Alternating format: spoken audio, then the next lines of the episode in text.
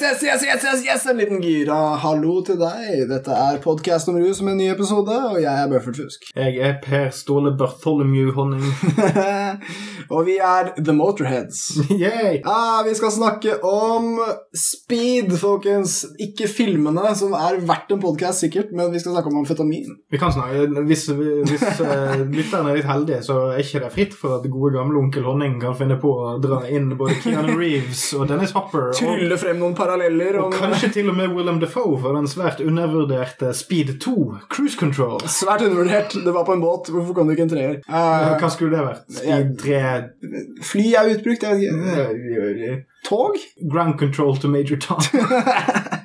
Burde vært tre, som du hører. Det er masse muligheter. Men ja, vi skal snakke om amfetaminer. Og før vi tar tak i det og blir megagira, selvsagt, så skal vi jo faen meg få fram at vi har lagd tolv episoder på et år. Og det er hovedsakelig min fortjeneste at vi snakker om dette i det hele tatt. Altså, det har vært mitt store mål siden vi begynte ja. den podkasten å få ut noe som ligner på én episode i måneden, og nå de siste par månedene har vi jo klart å få ut uh, det dobbelte. Ja. Så nå, vi kommer ut og knuse vi har, Forrige episode så tangerte vi uh, den gamle rekorden på 11 på et år, men nå kommer vi jo til å gruse den rekorden så jævlig, for det kommer jo minst én episode til.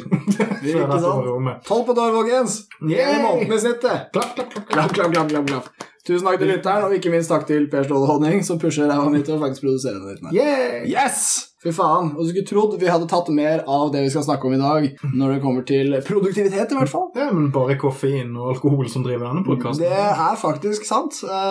Det er... Og nikotin, egentlig. Det er jo enorme mengder nikotin. Vi skal ikke glemme den gamle røveren nikotin.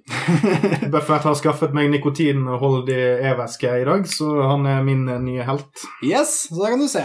Vi har uh, utrolig mye greier på gang, men uh, amfetamin er ikke en av dem. Vi har blitt anklaget for det. Mm. Vi er produktive, og vi er uh, våkne, så det er ikke så rart. Men nå skal vi snakke om stimulantenes stimulant. Mm. Det, det reineste girastoffet. Ja, og litt sånn som kokain, så har jo speed vært en slags sånn recurring recurring villain i eh, de siste tre-fire sesongene av podkast om rus. Det er liksom sånn ja, litt, litt, sånn som Murdoch i MacGyver. Ja. Altså, han, han, er vekke, men han, han, ligger alltid og lurer ja. i bakgrunnen. Sant? I'll get you next time, MacGyver! Har Ikke sett det siste av Murdoch. Nei. Nei. Popp opp når du minst venter det, og alltid bra for å aktualisere noe gammelt yes. eller nytt. Yes, damn right. Altså. Avitaminer er eh, mildt sagt verdig av sin egen episode. Det er en gammel, eh, god oppfinnelse fra tida hvor kjemi begynte å bli ordentlig, ordentlig spennende. Og tidligere på Podcast om rus så har jeg snakket om dette på en um, litt uh, håper jeg, forvirrende måte også for meg. For jeg har lurt litt på om det er på en måte ett stoff eller flere stoffer og, og alt det der. Det har jeg funnet ut av. Det viser seg at uh, man først fant det ene stoffet som heter amfetamin, og så fant man senere ut at det stoffet er uh, egentlig også en, en, de, uh, en, klasse av stoffer. Og så har de den grunnmolekylet som en sånn parent compound of its own structural class, the substituted amphetamines. Hm. Så det vil jeg bare si til lytteren. det er begge deler, så det er veldig oppklarende. med andre ord, amfetamin er en gruppe og ett stoff. Yes, sir. Der ramlet jeg av. Ja, sorry. Det, håper det var underholdende for noen. By, by, the way, hvis noen klarer å hold, henge med på mine rants om dette her, så vil jeg gi en liten shout-out til gutta på Liakollen. Yeah. Jeg vet ikke om de hører på oss fortsatt, men jeg tenkte dette temaet kunne være interessant for de aner ikke. Ikke fordommer. Jeg syns det er interessant, men gutta på Liakollen, jeg håper dere liker det. Ja, de, vi ga dem en shout-out uh, tidligere òg, og jeg, jeg, vet, Som sagt, vi vet ikke om dere hører på ennå, men det er alltid kult å få høre at uh, noen med litt mer street cred enn oss ja. hører på. Det. For det er kanskje den beste bekreftelsen på at vi er inne på noe. Ja, Så uavhengig om uh, disse karene hører dette her, men hvis du er en eller annen kis som sitter i Tromsø, for jeg vet at vi har en én lytter i Tromsø Hvis du er en av de som sitter og bare trenger noen som snakker til deg opp inn i hele den her du lever, så er det konge, og det er dritbra. Det er Vi er ikke så gode på fanservice eller det å rekke ut en hånd til lytterne våre, og sånn, men vi vet at det fins en del av dere, og det er veldig flott. Det er den beste bekreftelsen vi kan få. Damn fucking right. Eit, da kjører vi på med denne ypperlige uh, gjennomgangen. Vi må først ta den gode gamle om. uh, hva er AMF? Det er altså, uh, som sagt, kommer det fra en god stund tilbake, 1887. Det er faen meg ikke så lenge etter eh, lystgass og Nei, det er den tida der. kokain. det er den tida der. Ja, det, høres litt ut som sånn siste, siste del av 1800-tallet var på en måte rusens eh, sånn eh, dotcom-boble. Ja, ja. Gullrush og Klondyke-situasjon. Eh, ja. snubla og klumper overalt. Ja, ja, Hvis du ser litt på Onkel Skrue når han lukter gull, så er det jo litt speed i blikket hans. for å si Det sånn. Det er litt sånn målrettet og uh, følelsesløst. Ja, så er det jo, altså Før denne perioden så duk, dukka vel et nytt rusmiddel opp kanskje typ hvert 50-100 år, eller noe sånt, og så får du, får du fem nye om dagen en periode. Da blir det klart det er gullalder. Uh, og det har, altså, bare for å ta det, det har amfetaminer uh, er stimulanter, så de blir da de stimulerer sentralnervesystemet ditt, og du blir våken. Uh, det vil være vanskelig å sove på dem, sånne ting. Jeg kunne gått mye dypere inn i de nevrologiske effektene, det er ikke så spennende. Det er lettere å bare forstå det her som noe veldig veldig stimulerende, veldig veldig våken. Og så fins det mange andre småeffekter knytta til det som gjør at det kan brukes som medisin. Og, og moro. Ja, for all del. Kanskje mer av det. Men før så ble det brukt mot veldig mye forskjellige greier medisinsk. De ble brukt som avføringsmiddel, noe det neppe er særlig egnet for. Ja, Den eneste anekdoten jeg vet om avføring når det gjelder speedbruk, er det stikk motsatte. Ja, ikke sant? han eh, vedkommende jeg snakket med, spiste nesten ingenting på en uke, og Ja! endte opp med å bare gå på dass én gang på den uken. Så jeg tviler på at amfetamin fungerer spesielt bra. I hvert fall, altså, I så fall for de som tar det veldig sjelden. Da, det, da kan det kanskje gå. Ja, du blir så giret at du bare må drite. Hvis du glemmer å spise og drikke vann, så er det klart du ikke bæsjer så veldig mye. Mm. Men eh, per i dag, da eh, Det har også vært brukt mot depresjon og sånne ting, og det er litt sånn komisk eh, hvis du tenker med det. Jeg vil også bare legge til at det er veldig merkelig hvor ofte vi begynner å snakke om lukkemuskler. Ja. Det er, det er hele menneskearten, mann. Mm. Det Ræva bare så gøy. The center of our beings. det er et sentrum. Mm.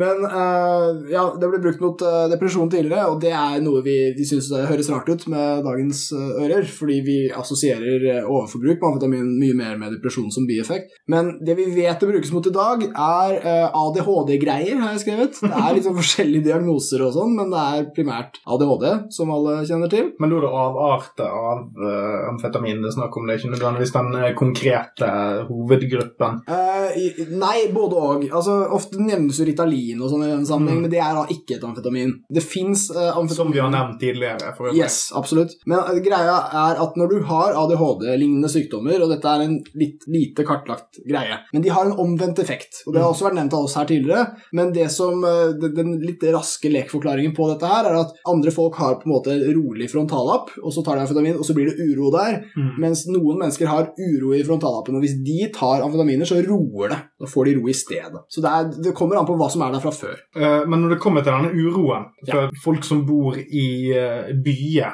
i hvert fall norske byer, og har vært ute på byen Ja. en senkveld, har vel mest sannsynlig snublet forbi en speedfreaker, enten de har visst om det eller ikke. Ja, Det er jo veldig ofte sånn at en av de der er litt sånn intense dudene du snakker med i minibankkøen eller i pølsekøen eller et eller annet sånt på vei hjem, Mm. det er en sånn dude. Eh, og dette med at folk blir Altså, dette med uro, jeg lurer på om det kanskje er litt relativt. Jeg tror det er relativt til hva intensjonen med bruken er. Og mengde. ja. Mengde som du inntar for å gjøre noe. sant? For i festsammenheng så Mm. blir du kaotisk. Men jeg mener og tror og at det fins litt eh, backup på dette vitenskapelige, er at det kan virke skjerpende sjøl for folk som ikke har ADHD. Mm. Altså i små doseringer, type Ja, eh, Ritalin-lignende stoffer og altså Ritalin er igjen ikke et amfetamin, men har du en ting du virkelig har lyst til å gjøre, og tar en bitte liten dump med amfetamin, så kan det være noe som driver deg til å gjøre den tingen bra, men det Mm. har med selvdisiplin å gjøre, og ikke med fest. Sant? Ja. Um, det er bare mitt lille sånn inntrykk av folk jeg har møtt og snakket med om dette. Ja, det, det er verdt å nevne det òg. Altså, det det fins en bruk som kalles terapeutisk, og så er det rekreasjonell. Og så har du på en måte medisinsk slags mellomposisjon, men terapeutisk handler om at du bruker bitte litt for å bli mer våken, eh, kurere kanskje sånn narkolepsi og sånne soveproblemer. Dette er igjen sånn på fritiden. Dette er ikke noe du nødvendigvis får av en lege. Dette er sånn som folk bruker det sjøl. Altså ja. selvmedisinering eventuelt. Ja, både sant? Altså, I Norge så finner du sikkert mange som bruker uh, gatespeed som det. I USA så er det lettere å få det av legen, så det er sikkert mm. mange som får det òg, og bruker det bare sånn bitte litt. Uh, men i Norge så gir man det jo bare til folk som trenger det, mm. og de, de, tar jo ofte større doser og sånn. Og det er dextroamfetamin du snakker om? Eller? Ja, da er det det de ofte får. Uh, I USA er det populært med Adderall og sånne ting, og det de har der, er bare litt sånn forskjellige typer av amfetamin blandet sammen. Og så har de en sånn komboeffekt. Ja, for Adderall er gjerne det amerikanerne snakker om når vi, sånn kontra vår Ritalin. Ja. Så selv amerikanerne er ganske mer heavy ja, det er et uh, ganske stort hakk opp. Ja, ja, eh, det ble jo litt sånn som hvordan opiatbruken i staten er helt sinnssyk kontra i Norge. I Norge er det jo omtrent bare postoperative ja. Eh, pasienter som får tunge opiumsmedikamenter. ja, og vi er glad i Norge å påpeke at vi er liksom veldig høyt oppe på Ritalinbruk blant barn og unge. Og vi er da rett bak USA, som mm. da er kjempehøyt å være. Uh, men, men, det som er i USA, så gir de jo Adderall, altså amfetaminer, til barn òg. Og det som har skjedd, er at barn de snakker sammen. holdt på å si, så det er veldig mange barn som tar Adderall, og de mm. kjøper det illegalt. Hvis du har sett statistikken om hvilke land som, hvor barn bruker Adderall og amfetaminer, mm. så, så ville USA vært soleklart på toppen. Så må vi bare, som en liten sånn sideline-poeng, illustrere veldig godt hvorfor vi ikke burde legge oss på en amerikanisert verken rekreasjonell eller institusjonell mm. rus- og legemiddelspolitikk. Ja, nei, altså, det, det, frimarkedskapitalisme er noe vi generelt sett i denne podkasten er veldig imot når det kommer til rus ja. rusrelaterte legemidler. Ja, og helt klart. Og USA er det perfekte skrekeksempelet, fordi vi har bare 100 eksempler fra sikkert siste år da, på hvordan markedet har gjort medisiner mye farligere enn de egentlig trengte å være. Fordi det er så viktig at markedet tjener oss. Ja, altså Heroin er på fremgang i USA pga. at det er så mange som er avhengig av legemiddelresepter mm. på opiater. Det hevdes også at uh, nå er det trolig gått forbi det punktet hvor over halvparten av alle som er avhengig av opiater i USA, de begynte lovlig. Ja. Uh, og så har de gått over til Som er diametralt motsatt av hva tilfellet i Norge er. Ja, definitivt. Altså, I Norge er det vel sånn at Hvis du får tak i noe legemiddelopiate, så er det jo nesten som å finne Den hellige gral. ikke det? Jo, ikke sant? Det er det. Men nå er vi inne på noe av det som er, er, er bra å snakke om med amfetaminer, fordi det er for det første veldig sentralt, og for det andre veldig lite snakket om før. Det ene er, som vi var inne på, at det finnes terapeutiske mot rekreasjonelle doser det er veldig sentralt, fordi folk som tar litt av dette her, de har helt andre effekter og risikoer mens folk som tar det rekreasjonelt, de kan ofte ta veldig veldig mye. Sånn typ 100 ganger mer av gangen og sånn. Altså skikkelig skikkelig stort, uh, stor forskjell. Men en annen ting som vi har vært sånn delvis inne på uh, ved å snakke om Adderall og sånn, det er at det fins en lovlig, altså regulert uh, medisinsk variant som lages av et stort firma i en ren fabrikk og alt mulig. Gjerne patentert? Patentert. altså Farmakologisk, kan vi kalle det. Amfetamin. og den er helt ren. Og så har du det som vi kaller gatespeed eller uh, ulovlig amfetamin, kanskje. Og så metamfetamin på siden der, ja. ja. Og den finner du i begge former. For den brukes også medisinsk. Da skal vi tilbake til metamfetamin bare sånn kjapt etterpå. Da, men... Ja, det kan vi gjøre. Men det som er, bare for å si det kjapt, gatespyd når, når, folk snakker om amfetaminer, og så sier de ja, jeg har prøvd det, så er det veldig relevant om den speeden ble kjøpt av lege eller uh, en fyr som kjenner noen skurker i gjerne Øst-Europa. Fordi gatespeed inneholder mye annet òg. For det mm. første er det en balanse av amfetamintyper som du ikke vet noe om, så det kan ha litt forskjellige effekter og sånn. Men det som også er helt sentralt, er at uh, amfetaminer de lager lages av masse forskjellige ingredienser. Mange av dem er løsemidler. De skal ofte fordampe og sånt underveis i prosessen. Ofte så blir... Dette har jeg sett på Breaking Bad. Det har jeg òg, mann! og jeg har sett det på, på andre dokumentarer òg. Andre dokumentarer, faktisk. Andre dokumentarer. Not name-dropped. Uh, og de, greia er at i det ulovlige markedet, utrolig nok, så slurver man litt, uh, og det blir litt rester igjen. Så folk sniffer løsemidler. Mange forskjellige effekter kan komme av det. Helserisikoen er trolig mye større på gatespeed enn på farmakologisk speed. Så forskjellen er veldig stor. Og når det er sagt, så finnes det jo en hel haug med kjendiser også som har brukt disse rusmidlene. Deriblant Lemmy Killmister. Ah, en herlig fyr vi nesten brukte en hel episode på. ja, nesten. Det var når eh, Lemmy fra Motorhead døde julen 2015, så måtte vi nesten ha en liten sånn tribute til han seinere. Ja, halvannet år. Ja. det var en person vi begge kjenner som kalte Lemmys død starten på The Darkest Timeline, der, der Trump ble president og alt gikk til helvete. Ja, er... Og nå, nå, lever vi jo teknisk sett i en sånn dystopia-fremtid som er denne alternative fremtiden som sånne sci-fi-serier og sånn gjerne leker med benekte... i, en sånn, uh, i en sånn tidsreiseperspektiv og sånne ting. Det er en sterk hypotese. Uh, men grunnen til at vi drar frem Lem igjen, egentlig bare fordi at, uh, som vi har funnet ut fra vår Sturle Haugsgjerd mm. om rus spesialepisode, så er det, mm. det å gi rusbrukeren et ansikt er en veldig god måte å kontekstualisere bruken. Og Lemmy er jo òg Han er ikke en recurring villain, han er vel kanskje en recurring hero ja. i denne podkasten her, fordi han Hvis vi ser vekk fra potensielle sånne, altså personlige problemer, hva enn han har med lausunge og den typen ting, så fins det omtrent ikke en viden kjent rusbruker i popkulturen som har såpass godkjentstempel fra ja. sine samtidige ja. som Lemmy. Mm. Uh, og det som ofte trekkes fram, er at han var en speedfreak eh, to the end, og til og med bandnavnet Motorhead er jo britisk slang for, for speedfreak, ja. noe Lemmy alltid gjentok i intervjuet med folk som egentlig ikke visste så mye om bandet hans. Det er blant annet et veldig bra P3-intervju der det sitter en eller annen dame eller dude og bare oh, What made you call your band Motorhead? Og det, stille, det spørsmålet er stille i sånn 2009, når bandet har eksistert i nesten 30-40 år. Og, eh, ja, sant? Typisk sånn uh, newbie-spørsmål. Uh, men grunnen til at uh, Lemmy alltid popper opp, og som sagt det er det at hans samtidige har gått inntrykk av han, er at han, han var en person som tilsynelatende, så vidt vi vet, av alle det vi kan trekke ut av alle historical records, er at mm. han var en fyr som visste å bruke rusmiddelet funksjonelt. Ja. Uh, uten at det skal være noe vi liksom anbefaler folk til å gjøre. Mm. Men her var det en fyr som kalte opp bandet sitt etter yndlingsstoffet sitt. Ja. Ja.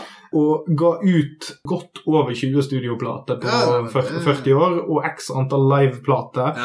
Og konstant turnering, omtrent ikke et jævla opphold, og det var det han ville gjøre. Han ville være en rock and roll dude, og han ville turnere, og han ville spille inn plate. Det var det han ville. Alt annet var en bonus. Og ut ifra det utgangspunktet så var livet hans en suksess. Og så døde han av aggressiv hjernekreft. Han fikk diagnosen, og så døde han to dager seinere. Etter noen år med skrantende helse, men det kommer av både tobakksrøyking og alkoholisme og masse, masse annet. Her snakker vi om tidenes kroneksempel på en fungerende røyker, eh, alkoholiker og speedfreaker. Nei, han, han, representerer noe fantastisk om også jeg Altså, jeg er veldig fascinert av kulturen rundt speed, og det, noe av det mest spennende med den er at den er litt sånn hemmelighetsfull, mm. og, og, ikke, og den er ekstrem, og den er upolert, og den er hemmelighetsfull. Og, og det, det, som er kult med det, er at hvis du møter andre rusbrukere, så vil de ofte være litt sånn stolt av hva de tar, og yeah. nesten proklamere det. Jeg tror kanskje speedfolk er de minst proklamerende, eller noe sånt. Eh, nesten litt sånn skambelagt hva de har tatt, litt sånn hemmelig. Og så har de det jævlig kult, og så er det privat, og så skal du holde kjeften din om det. Uh, jeg vil også dra fram et par andre som er kjent for dette her. Eh, først bare en, et par sånne norske. En gang hadde Leo Ajkic en reportasjeserie mange år før han lagde 'Flukt' og sånn. Men da han bl.a. hadde intervju med en fyr som var uh, speed amfetaminmisbruker på gata i Oslo. Han solgte like Oslo. Det var ett spørsmål i det intervjuet som brant seg fast i meg, og det var da Leo Ajkic sa hadde du gjort alt på nytt? Altså Hvis du kunne endre det, ville du gått tilbake? Og han forklarte om et vanskelig liv. Han kunne være våken i fire dager og strekk fordi han ville for all del. Men han hadde veldig lite venner, familien hadde mista kontakt med, bodde på gata og sånne ting. Uh, og det han fyren da svarte, var nei, jeg ville gjort alt på nytt. jeg ville ikke endret noen ting. Og det var uh, jeg, jeg, tror jeg husker det litt skarpere enn det, det var, mm. hvis noen backtracker dette. Men forklaringen hans var i det minste det at han har hatt så mange kule episoder og opplevelser med speed, og han hadde ikke fått det til uten speed, så han ville ikke endret det, fordi han mener selv at det har gitt ham så mye. Veldig fascinerende. Ja, og, uten, og nå høres det ut som vi glamoriserer. Han bor på gata og har ingen venner. Mm. Altså, ja, men, det, er ikke, det er ikke meningen glorifisere. Nei, nei sant? Det er bare ikke alltid like lett for lytteren å vite ja, konteksten. Sure, og, og, og, og, samtidig så tror jeg at det handler ikke nødvendigvis så mye om hva rusmiddelet gjør rent objektivt, men mm. du kan fort begynne å snakke om at det fins personligheter som finner sin greie. Mm.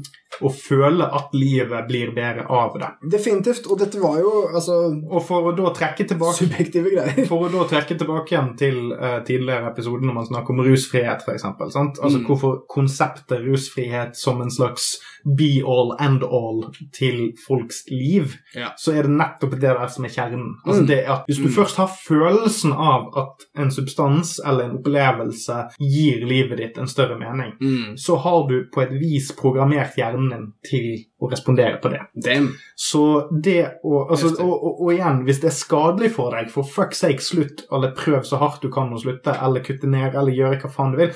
Men det å bli kvitt den hardcodingen av personligheten din er jævlig vanskelig. Ja. Og det er kanskje derfor moderasjon er en av de viktigste anbefalingene. Definitivt. Er fremfor komplett avholds...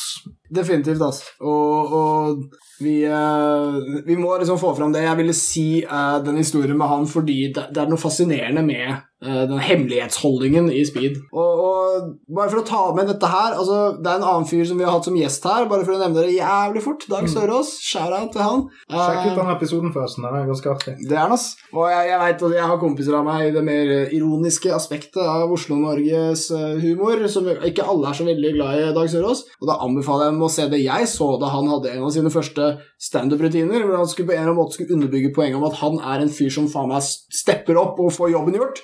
Og da fortalte han har speedrunka i fem timer, han har faen ikke gitt opp før han så en sånn liten dråpe. En og folk satt sjokkerte i salen og bare sånn Ja, det var jo en morsom vits. Han var jammen dedikert, på en måte.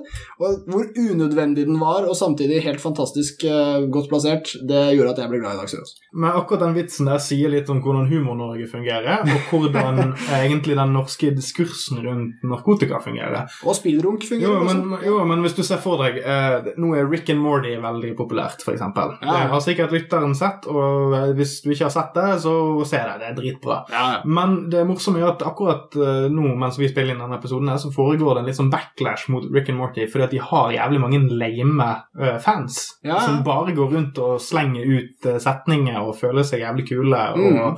Men de som, resten av oss som ikke går rundt og er jævlig douchebags, vi Mm. setter jo pris på Rick and Morty fordi at det faktisk er litt dypere enn bare catchphrases og det å være alkoholisert til tidsreisende som er kjip mot barnebarna dine. sant? Altså, det fins litt grann mer substans under der. Ja.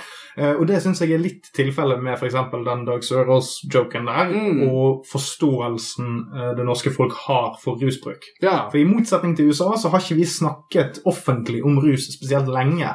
sant. Så denne kollektive forståelsen av hva det er snakk om når man er speed-friket og har lyst til å onanere, den er ikke så veldig tydelig i folks øre umiddelbart. Nei, sant. Så jeg syns den joken kanskje er bedre enn det konteksten av det opptaket tilsier, for jeg har snakket med folk som har snakket om dette. Og det har med dedikasjon for at, Hva vet vi om speed? Hvis, hvis du er på speed, så blir du dedikert. ja. Og du blir eh, veldig på, og hvis du først begynner å snakke om noe, så slutter du ikke. sant? Ja. Og hvis du da får for deg at du må onanere, men speed fungerer på en sånn måte at du gjerne ikke har så mye blodtilførsel til Yeah. eh, penis eller til vagina, for den saks skyld, Absolutt. Ikke bare for gutta, det. da krever det iherdig innsats å faktisk nå et klimaks. Yep. Og, og den, den nå, nå kan det høres ut som jeg kanskje overtenker dette litt mye, men det, det er litt underappreciated hvor mange levels med forståelse det trengs for å skjønne en runkevits Ja. ja, vet du hva. i dette tilfellet her. Å, ja. Å, jeg elsket det òg, for det gikk jo over, over hodene. Over de ikke-speed-hodene. Men du, dæven, altså. Tenk å fortsette til fem timer. Ja, ja. Vi skal ta én siste kjendis, jeg lover deg. Men det er kanskje en av de mest kjente anekdotene om amfetamin i akademia. Eh, og det er eh, en historie om eh, den ungarske matematikeren Paul, eller Paul Erdős. Eh, og Han var født i 1913. Han begynte ikke med amfetaminer før 1971. Og da var han vel uh, 58 år. Men han uh, Late bloomer, si. ja, Hvorfor det tok så lang tid, vet eh, sikkert noen. Men han eh, spiste i hvert fall eh, piller med amfetamin i, så det var ikke noe sånn stiffing eller sprøyter eller noe sånt. Og han var matematiker som jobbet på et universitet. Og han var, eh, så vidt jeg vet, en slags eh, eksperimentell matematiker. En som i hvert fall brukte veldig mye tid på å notere og skrive. Så han uh, brukte masse, masse amfetamin, og det var flere av hans kolleger som uh, var veldig bekymret for hans bruk, og en av dem, som heter Ron Graham, han vedda med han da 500 dollar om at han ikke klarte å avstå en måned fra amfetamin. Uh, og da tok Audus og gjorde det, ventet en måned, kom senere med et sitat som var noe sånt som 'jeg har bevist at jeg ikke er en junkie', men du har kostet matematikken en måned. Uh, noe i den duren. Uh, et annet sitat han har sagt i den sammenhengen som jeg syns er passende, er at uh, Before, when I looked at a piece of blank paper, my mind was filled with ideas. Now all I see is a blank piece of paper.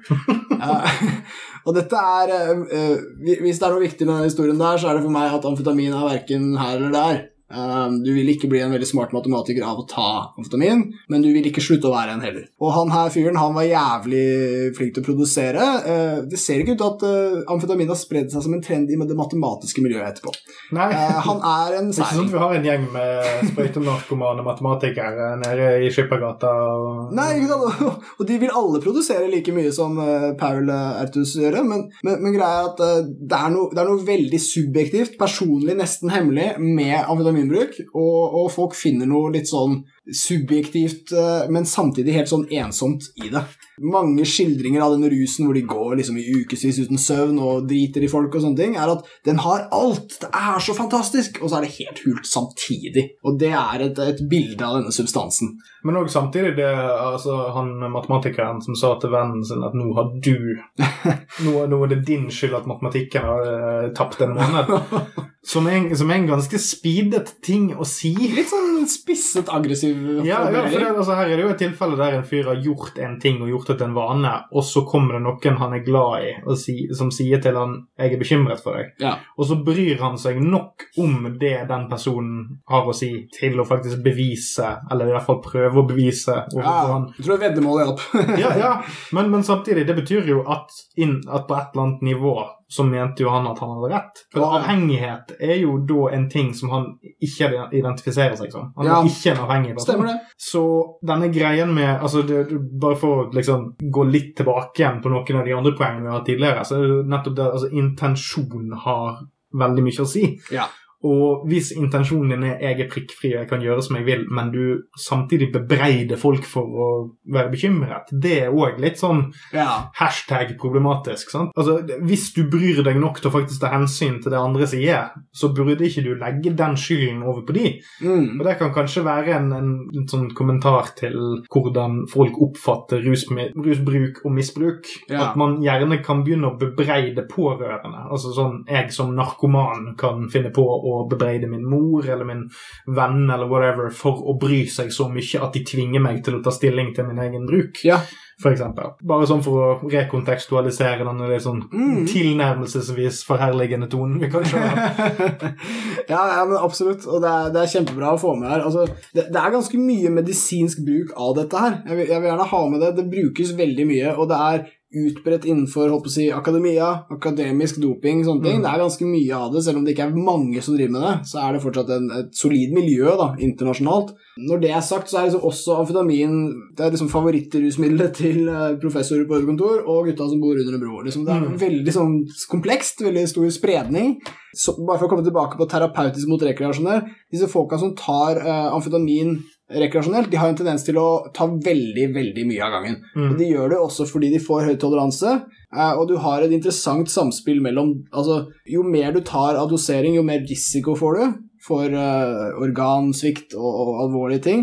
Men jo mer toleranse du har, jo mer synker den risikoen også. Så de som tar rekreasjonelle doser, altså prøver å bli rusa og skal ha det på en måte gøy med det, ikke bare instrumentelt til jobb, uh, de tar ofte veldig, veldig mye. Og da er det akkurat som de klarer å forverre sine selvdestruktive sider noe så til de grader. Og jeg, husker jeg ble helt sjokkert når jeg snakket litt med en fyr som var veldig glad i dette her. Veldig oppegående mann. Du ville aldri trodd han var uh, i hvert fall så ivrig da, som han er. Og han fortalte at det er først sånn to-tre to, dager uten søvn, to-tre døgn uten søvn. Det er først da det begynner å bli gøy, for da begynner søvnmangelen å bidra til rusen. Sånn at du får liksom hallusinasjoner og, og, forverring av den uh, fysiologiske tilstanden som da bidrar til en morsommere eller noe mm. sånt rekreasjonell opplevelse. Helt sjokkerende å høre. Helt, helt ekstremt på alle vis. Eh, kroppen hyler etter søvn. 'Please, la meg sove.' Og du sitter der og sier 'yeah, se på hallisene'. Det, det, er noe av det villeste jeg har hørt. Mm. Uh, men, men de er, eh, det fins en, en speedbruk som er ekstrem, og den er dessverre ganske vanlig når det kommer til rekreasjonell bruk. Ja, for det, det du nevnte med liksom, akademikere og folk som bor under en bro. Eller ja. i hvert fall folk som kjenner folk som bor under en bro. Oh, ja, ja. Så definitivt. Så syns jeg kanskje det trekker det litt tilbake igjen til både intensjon med bruk og hva, det klassiske mantraet vårt 'hva du tar med deg inn i rusbruken din'. sant? Ja. Det er ikke sånn at et rusmiddel endrer hvem du er, det forsterker visse aspekter av personligheten din. Ja, ja. Så hvis en person som lever til han er altså La oss si at han er 23, skal ta mastergrad i matematikk, eller noe sånt. Hvis han begynner å ta seg en liten snufs amfetamin i det, ja. så har han et helt annet grunnlag for hvordan han bruker sin rusopplevelse. Mm. Det er mye mer innrettet funksjonelt. På samme måte som en musiker som bruker amfetamin for å klare å komme seg gjennom en konsert. Som mm. Lemmy, for eksempel. Mm. Eh, mens hvis du da er Og ingen bør ta seg nær av dette, men hvis du er en litt avdanka type som ikke får ting til helt her i livet, mm. som jeg tror mange narkomane og eks-narkomane kan kjenne seg igjen i, ja. Så er det å påføre amfetamin på toppen av en litt sånn mislykket følelse kanskje oppskriften på katastrofe, fordi du begynner da å mate en motor som ikke har en retning. sant? Altså Det blir som å ja. det begynner å helle bensin på en motor som ikke er i en bil og uten sjåfør. Ja. Fordi at du har ikke opparbeidet deg eh, begrepsapparatet eller muligheten til å kontrollere følelsene dine på samme måte som en matematiker kanskje har gjort. Ja, kjempebra. En matematiker vil kanskje trenge å slippe seg litt løs, sånn det kan kanskje hjelpe greit, men hvis hvis, hvis, du droppet ut av ungdomsskolen fordi at var, du hadde ADHD, så kan det godt hende at en grammer med amfetamin kanskje ikke er det du trenger for å få livet ditt på rett kjøl. Ja, ja, nei, kjempebra poeng. Det, det, må vi ta videre. Altså, fordi det er noe med altså, stimulanter, og dette er som sagt urstimulante, som, som gir oss sånn voldsomt mye med, med, kontroll. Jeg må mm. bare ta litt om det der. Og det er, så, Hvis du ser en uh, speedfreaker, så er det ikke det at han har så mye kontroll, det første som slår deg. Men uh, hvis vi tar litt sånn klassisk uh, filosofi med Fredrik Nietzsche og sånn, så er det han, hans uh, fortellinger om Ubermensch, hans ideer om menneskeheten, er veldig ofte veldig spissede. sånne ting. Det er lett å tenke på speed. Det er lett å tenke på at uh, Skal ta kontroll over din egen eksistens. Ja, og, og, og fucke dine egne behov. altså Bare mm. legge dem til side. Ikke spis, ikke sov. Uh, dette sa ikke Nietzsche, men det passer jævlig bra hvis du tar speed og kan slutte å gjøre det de andre svake menneskene driver med. Mm. Trene masse, spise lite, heve deg over. Søvn er for pingler. Det, det, er, noe, det er, noe, veldig ekstremt. Og uh, her er en beskrivelse av amfetamin som kommer fra medisinen, og det er at hvis du tar dette altså amfetamin, så vil du få det som heter forbedret kognitiv kontroll. Mm. Og her så kan vi snakke litt om hvordan Altså For det første er mennesker veldig veldig forskjellige. Eh, og når vi snakker om kognisjon, så er det veldig ofte lett å tenke på liksom bevegelser. Sånn som med armene og sånne ting. Hvor raskt du styrker ut armen, så tar du mer amfetamin, så går det mye fortere. Men kognitiv betyr altså erkjennelse. Og hvordan vi tenker om uh, te Altså tenkning i seg selv. Intellektuelle, mentale prosesser i hjernen.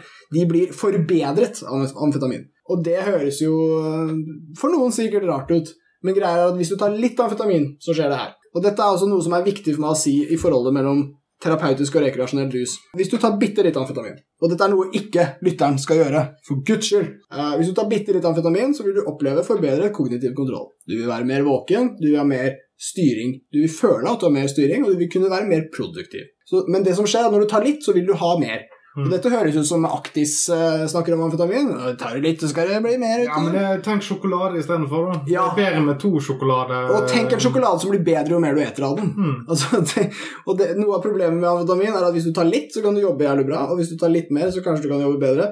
Tar du litt mer enn det, så kan du ikke jobbe bra lenger. Nei, Da blir det tivoli. Da begynner det å bli tivoli. Og eufori begynner å dukke opp omtrent da. Mm. så hvis du bare tar bitte litt til, så får du mer eufori. Og hvis du tar litt mer enn det, så får du enda mer eufori.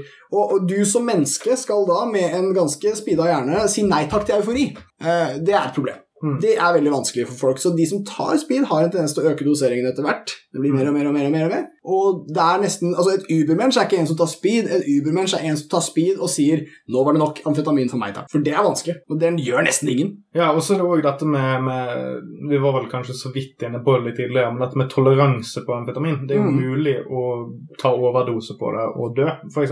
Ja, Og det er gjerne sprøytenarkomane amfetaminbrukere som dør av overdose. det stemmer. Det skjer, det. Eh, gjerne i kombo med heroin. Ja. Men så er det jo sånn, det vi har funnet fram til her, er det at amfetamin har, i motsetning til heroin, en resistensoppbygning som er mer konsekvent. Ja, stemmer. Som gjør at en person som tar mye amfetamin, vil da òg tåle større og større mengder med amfetamin. Ja. Mens heroin er litt mer sånn up in the air på hvor mye du tåler. Ja, Du kan opparbeide deg toleranse, men på et tidspunkt er det free for all, på en måte. Du kan ryke. ja. Og det, Eh, I ja. hvert fall når det er snakk om sprøyte. Det det er verdt, verdt en sammenligning. altså. Heroinfolk tar ofte alltid en smell og sånne ting. Ja, og- mens speedfolk doserer mer og mer. Ja, og folk som tar heroin, trenger òg gjerne amfetamin for å i det hele tatt klare å fungere, fordi at de er så sløve og ned, ned opiatet, på en måte. At, Ja, at amfetamin fungerer som en slags sånn togskinne i nedsløvetheten. Riktig, for det er en syklus som er negativ Ja. med søvn og sånn. Ja, og det er jo òg en litt sånn underkommunisert greie med rusbruk, som kanskje vi kan bli litt flinkere på òg. Det er jo det at veldig mye negativ rusoppførsel kommer gjerne i en sånn multikombosituasjon. Der du har brukt ett stoff så lenge at du begynner å bruke et annet stoff for å få det første stoffet til å funke skikkelig. Ja. Og, og det hele den greien der. sant? Altså, det er Mm. sånn Moderasjon, folkens. ja. Og dette, har, dette er veldig komplisert, fordi altså, det er så lett for oss og Jeg har jo sagt det før at det er mye sånn tankefeiler knytta til atferd og sånn. Man tenker folk tar et stoff, og så blir man stoffet, og så blir man karikert. Men, men det er noe i det òg, ikke sant? Altså, folk som tar amfetamin, oppfører seg på en viss måte i forhold til folk som tar heroin. Jeg skjønner at de, de fordommene, kall det stereotypene, da, de, de litt sånn klisjéaktige bildene, de dukker opp. Men jeg ville bare ta et annet eksempel på det. Akkurat som med heroin, så tror man at heroin er veldig giftig, og derfor dør folk, men det som ofte er Det er mye mer kompliserte faktorer. Det lammer, og hygiene har mye å si. Du dør, masse du dør av at du mister kontroll over kroppsfunksjonene fordi at kroppen er så opptatt av å prosessere heroinet. Ja. Jo, absolutt. Og, og, men for å ta det eksempelet mitt her, og, og for å, å skyte inn raskt også dette med metamfetamin, som er en egen potent type amfetamin som har blitt veldig veldig populær, tatt over det globale amfetaminet. Jeg har hørt at blå metamfetamin er det beste. det, det har ikke, jeg har ikke fått uh, mytbusta akkurat om blå er bra. Jo, jeg, jeg har fått det. Jeg, Ja, de har hatt mange for, for de som ikke tar referansen, så er jo blå meth en stor greie i Breaking Bad. som refererte til. Eh, men eh, saken er at etter at Breaking Bad ble stort, så ble det solgt jævlig mye blå meth som var farget. De desper jo etter merchandising-muligheter. Ja, sant? Så Det er jo et tegn på, eller et bevis på at popkultur stort sett alltid har minst én negativ konsekvens. Ja. Positiv konsekvens flere folk er klar over metamfetamin som, som konsept. Eh, negativ konsekvens masse speedfreakere blir sjuke fordi de kjøper blå meth fordi de har sett det på TV. Ja, ikke sant. Jeg ville ta tak i en klisjé som, eh, som egentlig har liksom sitt opphav i uh, metamfetamin, kall det, miljøet i USA, som også blant annet fra dette som heter Faces of Meth, hvor Mm. folk uh, ja, egentlig ble ganske hengt ut med sånn før- og etterbilder. med Ja, for det er en rar greie i ja, er greie i USA med at hvis du blir uh, arrestert og fotografert i en sånn lineup av politiet, Mm. så er det public information. Det er helt insane. For det, så det er offentlig tilgjengelig. Og så var det en kampanje i statene som brukte ordentlige folk sine Wow. mugshots til, Drøyt. i en antirusbrukkampanje. definitivt uh, moralsk anti-Met-kampanje, og det var jeg, jeg kobler det til den kampanjen fordi det i etterkant har vært veldig mye snakk om uh, at man får uh, stygge tenner av å drive med metamfetamin. Mm. Og eh, jeg ville bare ta tak i den for å vise to eh, sider av denne bruken. Altså På den ene siden finnes det selvfølgelig effektene til metamfetamin, og, for andre, og det ene er fysiologiske effektene, og det andre er effektene det har på livet ditt sosialt.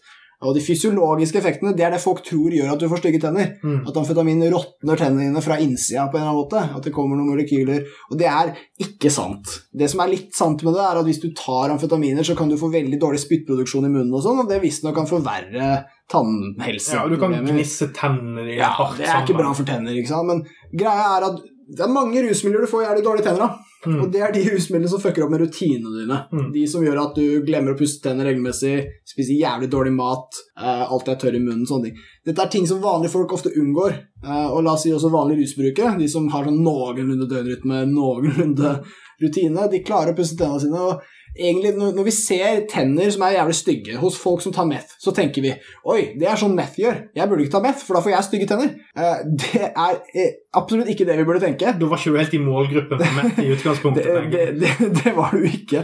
Men det som er, altså det, du stirrer på, er ikke et menneske med friske tenner som tok meth og fikk dårlige tenner. Det du stirrer på, er et menneske som har alvorlige problemer i livet sitt. Som har mistet rutinene sine og hadde hatt godt av å finne tilbake til dem. Og uh, amfetamin spiller en stor rolle i det, sure, men, men ideen om at amfetamin er lik råtne tenner, det, det blir helt absurd. Det blir som å si at uh, alkohol er lik vold eller noe sånt. Det som trengs i midten her, det er at, at uh, det påvirker livet, de sosiale sidene dine. Da kan disse fryktelige tingene utløses. Ja, sant? og det er det mantraet vi alltid kommer tilbake til. Sant? Det er mange av de tingene vi assosierer med tung rusmiddelbruk, som er i hermetegn sanne. Ja. Altså dårlige tenner med meth-brukere, at heroinister har knekk i knærne, Ja. snakker nasalt etc., etc., etc.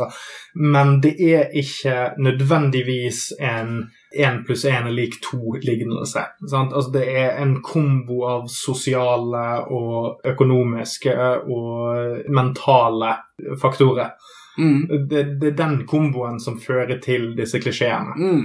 jo fortere vi kommer oss vekk fra de klisjeene og bare ser på rammeverket, hva det faktisk gjør, jo mer ærlig er samtalen rundt temaet. Mm. Sant? Altså, at, at en pårørende vet f.eks. at ok, han, vennen min tar amfetamin, og jeg bør bekymre meg kanskje hvis han oppfører seg rart, Mm. og det, amfetaminen ser ut til å forverre en del ting, men jeg vet ikke at han kommer til å bli til en tannløs rusgærning. Mm. Det er ikke det du må bekymre deg for. Nei, det er risikoatferden du må bekymre deg for. Ja. Ikke det at han kommer til å bli en stygg kuk når politiet tar ham. En annen tanke jeg har hatt, den er kanskje litt løs. Det er ikke som om jeg sitter på en universal uh, kur her. Altså Folk som bruker mye amfetamin, er vanskelig å rehabilitere. De har store opplevelser å, å bli avhengig av, uh, som de bruker mye tid på å kicke. Men det, det jeg har fått inntrykk av, av å lese litt og kjenne litt folk som tar det her og sånn, det er at det er veldig vanskelig å nå amfetaminbrukere. De hører ikke på noen, Uh, de bryter alle regler, spiser ikke, sover ikke, er, er på en måte sine egne herrer. Jo, men de er jo på et lokomotiv på vei i sin Ja. egen retning. Så de kan lytte, ja, men bruk den metaforen, den er bra. Lokomotivet peiser gjennom, de hører ikke hva andre sier. Det er, det er lyden fra tilroperne, det høres ikke, for Ja, de kjører så fort. Ja, men altså, vi, vi tror at du skal kjøre en liten gokart, men Ja. de er på et tog. Og her er mitt poeng. Hvis du skal nå, nå sier ikke jeg at dette er verken enkelt eller, eh, eller noe sånt, men hvis du skal nå fram til en amfetaminbruker, få han til å høre hva du sier, få vedkommende til å tenke over og kanskje finne et punkt å bygge seg opp fra, så vil jeg anbefale et visst punkt, og det punktet er når en person som tar masse amfetamin, har krasja, altså på en eller annen måte tvunget seg selv til å sove, så sover de i to døgn, tre, de sover så Mm. lenge, eh, idet den personen våkner. Mm. Da tar vi en prat. Før de tar speed igjen.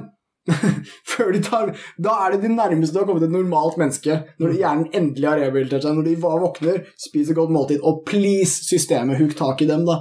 Ta, ta, fort, la dem snakke litt. Jo, men kanskje ikke engang altså det er ikke, Systemet har jo mest sannsynlig ikke fått rebootet seg engang. Det er jo mer det at de våkner og nå kjenner hvordan det kan ligne på å være et vanlig menneske igjen. Ja, og det er en lomme der. Det kan være to-tre-fire timer før du tar speed igjen, Mm. og da, der er de mottagelige. Mm. Voldsomt lite vindu. Jo, jo, men, men, men sjøl der er det jo da mest sannsynlig ganske skamslått Ja, ja, ja. av bruken. Så det er kanskje òg den mest prime altså det, det er da kanskje folk er på sitt mest nedbrutte òg. Mm, Og da er det viktig å tilnærme deg de på en veldig skånsom måte. mm. Altså Ikke komme inn og si 'herregud, se hva du har blitt, ditt monster', men altså sånn 'hei, hvordan går det?' Prøv å Mm. være litt mer sånn 'har du tatt tak i alt du bør ta tak i, kompis', siden jeg ikke har sett deg så nedbrutt på fire uker. Mm. Sant? Den typen ting. Ja. Eh, som igjen går tilbake igjen til kontekst og eh, nestekjærlighet, Ja. kort og godt. Altså vite hva med en annen person som er Mm. de sin personlighet, og hva som er eh, risikoatferd. Sant? Vite hvilke øyeblikk som er de riktige øyeblikkene. Ja.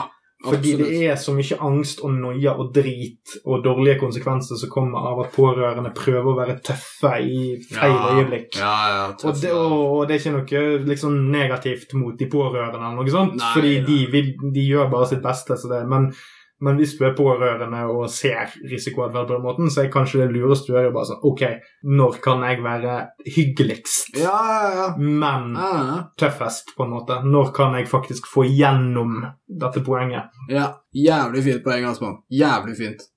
Vi kjører avrusning. Avrusning!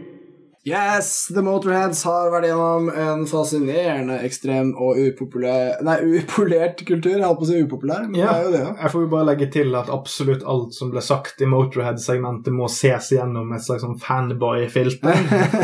Ikke særlig eh, nøytral eh, type. Nei. um, du får egentlig ikke stygge tenner av spy, du får det av dårlige rutiner. Gatespyd er noe helt annet enn eh, legespyd. Dag Sørås dro en jævlig fet hit som runking. Ja. Jeg bare tar det jeg husker. Og, og hvis du må kjøpe meth, ikke kjøp blå. Kanskje du ikke trenger blå. Ja, sånn- kan hende blå er litt mye. Sånn forbrukerinspektør uh... Jeg vet ikke forskjellen, men, men det er sånn uh, Kanskje ikke den aller sterkeste metten. Uh, Det er bra råd. Jo, jo, men òg det at hvis du ser blå meth i Norge, så er det mest Uh. sannsynlig ikke Ja, det- er sant. Altså, Det er mest sannsynlig noe som noen har kjøpt konditor for. Jeg håper det var en sånn kort enn Det. Ja, Det Eh, er fremdeles folk som driver og hiver pizza på taket til hun som eier huset til. Walter White. det er jævlig bra. ass. Kommer og kaster en pizza på dagen. Jævla drittsekker, forresten. Uh, vi, ja, avrusning fortsetter. Vi har altså kartlagt at det er veldig forskjell på terapeutiske doser amfetamin og rekreasjonelle doser. Opptil 100 x forskjell, faktisk. Snakka litt om kjendiser som Paul Erdøs uh, og andre som har vært glad i amfetamin. Eh, overdoser av amfetamin kan behandles, men eh, de er veldig sjelden dødelige. Mm. Og Ja, men de er mer sosialt kjipe. ja, Altså I motsetning til heroin, så er speed i den grad det er skadelig, så er det mer skadelig pga. bruken og hva du gjør med livet ditt ja. i den togturen det er. Ja.